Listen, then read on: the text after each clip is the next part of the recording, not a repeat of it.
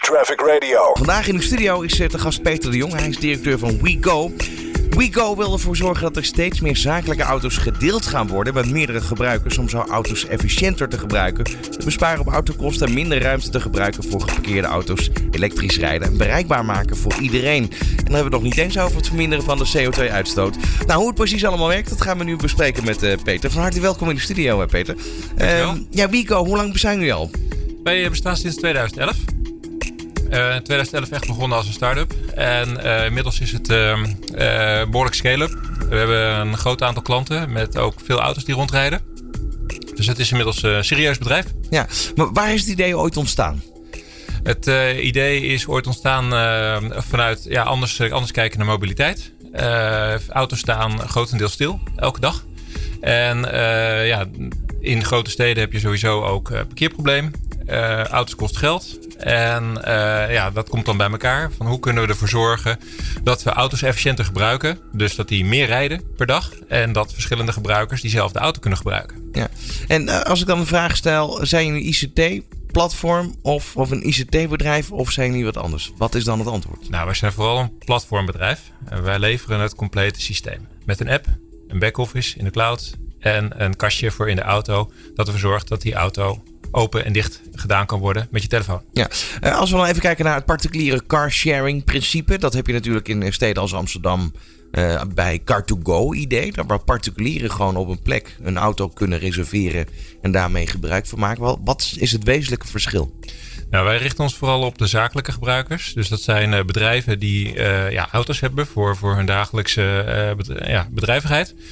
Um, dat zijn natuurlijk ook heel veel persoonlijke leaseauto's, maar er zijn er vaak ook poolauto's die gedeeld gebruikt worden. Nou, normaal moet je dan een sleutel wisselen, schriftje bijhouden voor de kilometers. Wij automatiseren dat feitelijk met het platform, zodat mensen die uh, auto's kunnen delen. Dus, dus met andere woorden, er is een, een bedrijf met, ik noem maar wat, een wagenpark van 30 auto's wil zich aansluiten bij jullie. Uh, die auto's die hebben ze al. Ja, vaak uh, gebruiken wij bestaande auto's brandstofauto's, elektrische auto's. Maar de auto's zijn vaak al bij het bedrijf aanwezig. Nou, wat gaat er dan gebeuren? Is er een, hè, want, want ze moeten de sleutel normaal gesproken delen, zei je net al. En dan wordt een, een, een passiesysteem uh, ingevoerd? Nee, um, het gaat gewoon met de telefoon. Uh, de sleutel zie je niet meer terug. Uh, je kan gewoon met je account op je telefoon, in je app, um, kan je ja, eigenlijk in de app zie je een sleutel. En dan kun je op het knopje drukken voor openen en dan gaat de auto open. Als je een reservering hebt. En uh, zo uh, sluit je hem ook weer af. En uh, ja, je kunt natuurlijk ook tussentijds de auto openen en sluiten. ja. Ja, wat ik net al in de intro zei, dat is eigenlijk ook jullie missie. Is met name dus het minder, minder groot wagenpark is er nodig. Omdat auto's eigenlijk continu rijden.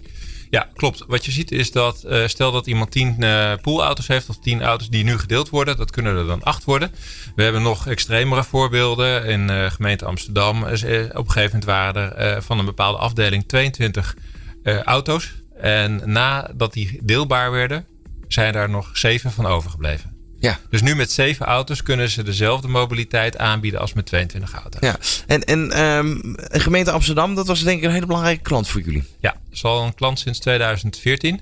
En um, ja, is een lange termijn uh, klant. Um, met zowel de, de, de, ja, de dienstenauto's, veegwagens, vuilniswagens, maar ook de, uh, gewoon de personenauto's waarmee ja, die nodig zijn voor uh, ritten, van en naar verschillende kantoren of naar afspraken. Ja. Jullie hebben uh, nagedacht over verschillende verschijningsvormen. Uh, free floating is daar één van. Kan je daar eens wat meer over vertellen? Ja, free floating carsharing, dat is eigenlijk dat auto's uh, uitgestrooid worden over de stad. die, staan, die kunnen overal staan. die kun je ook gewoon reserveren vanuit een app.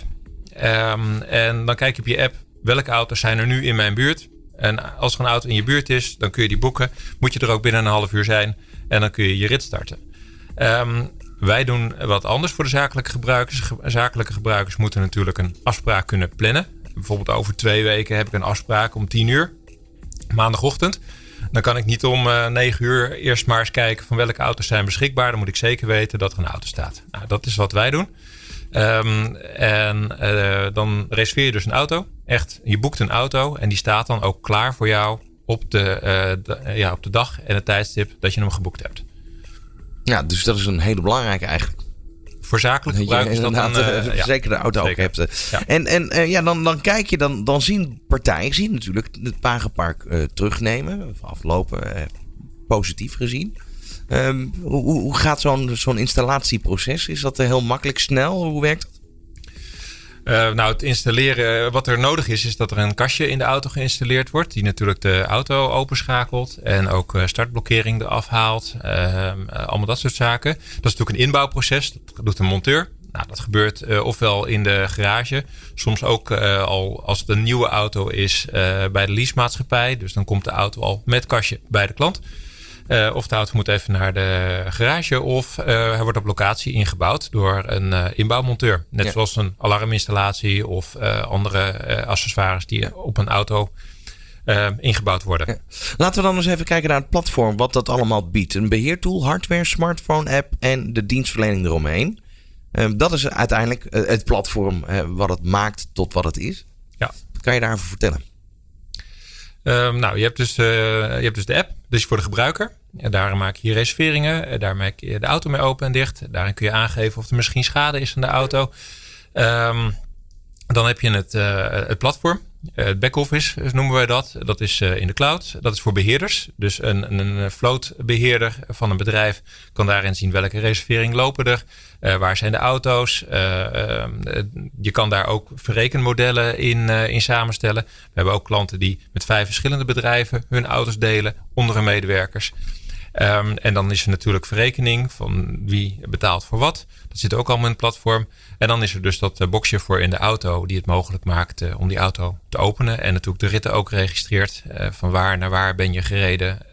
en dat aan ja. de gebruiker koppelt. Dus je hebt geen klembord meer met een paar A4'tjes in de auto liggen waar je je kilometerstand hoeft op te schrijven. Dat gebeurt automatisch. Geen schriftje meer. geen sleutel uitdelen meer bij, ja. bij een, een, receptie of wat dan ook. Nee. En, en minder fraudegevoelig denk ik. Want volgens mij is de overheid hier ook wel blij mee.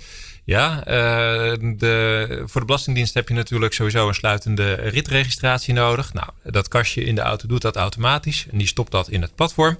Dus je hebt uh, exact uh, duidelijk welke kilometers zijn gereden door wie en van waar naar waar. De Belastingdienst is daar in ieder geval vast blij mee. Um, en um, ja, er is natuurlijk ook minder mogelijk met ja, toch zaken die niet de bedoeling zijn met die auto. Ja.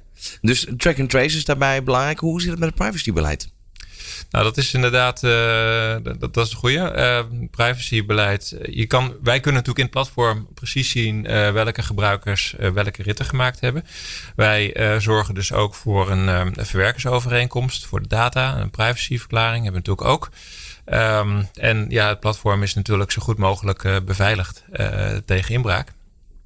Uh, maar dat hebben we allemaal uh, keurig geregeld. Ja. ja. En uh, ja, verdienmodel, dat is natuurlijk handig, want je moet ergens van bestaan. is een abonnementstructuur?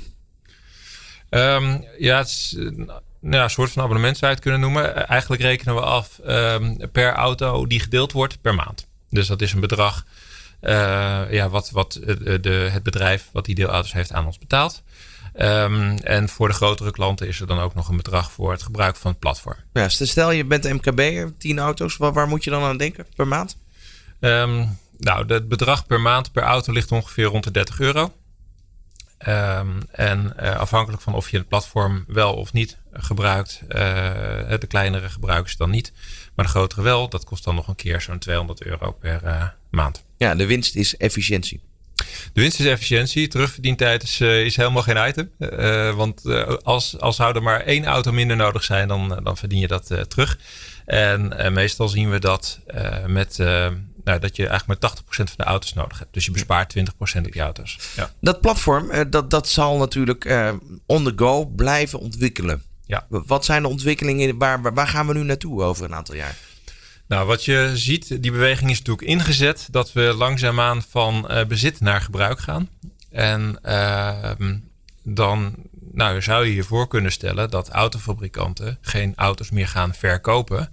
Ze maken ze en ze brengen ze in de markt om ja, uh, te gebruiken tegen betaling. En ja, als ze dan door een economische levensduur heen zijn, dan halen ze ze gewoon terug. hebben ze weer grondstoffen. Dus dan is er helemaal geen verkoopprijs meer van auto's. Er is ook geen restwaarde meer. Er is geen, uh, geen tweedehands markt meer. Dus als we eenmaal zover zijn, dan verschuift er echt wel wat in. Nou, uh, kan je het een beetje vergelijken met zoals een mobiel abonnement voorheen werkte? Nu is het toch een beetje aan banden gelegd. Maar dan kreeg je een mobiel. Nou, dan zat een abonnementstructuur van een aantal jaren vast. En je, je bent gebruiker, maar eigenlijk in feite niet eigenaar van je mobiele telefoon. Ja, daar kan je het mee vergelijken. Ja, de, de hardware, zeg maar, de auto is de hardware. Die is verwerkt in het bedrag wat jij uh, betaalt. Ja, zeker. Ja. Dus meer informatie kan je vinden op wecocarsharing.com. En mag ik je danken voor de komst naar de studio, Peter de Jong. Graag gedaan. Traffic Radio.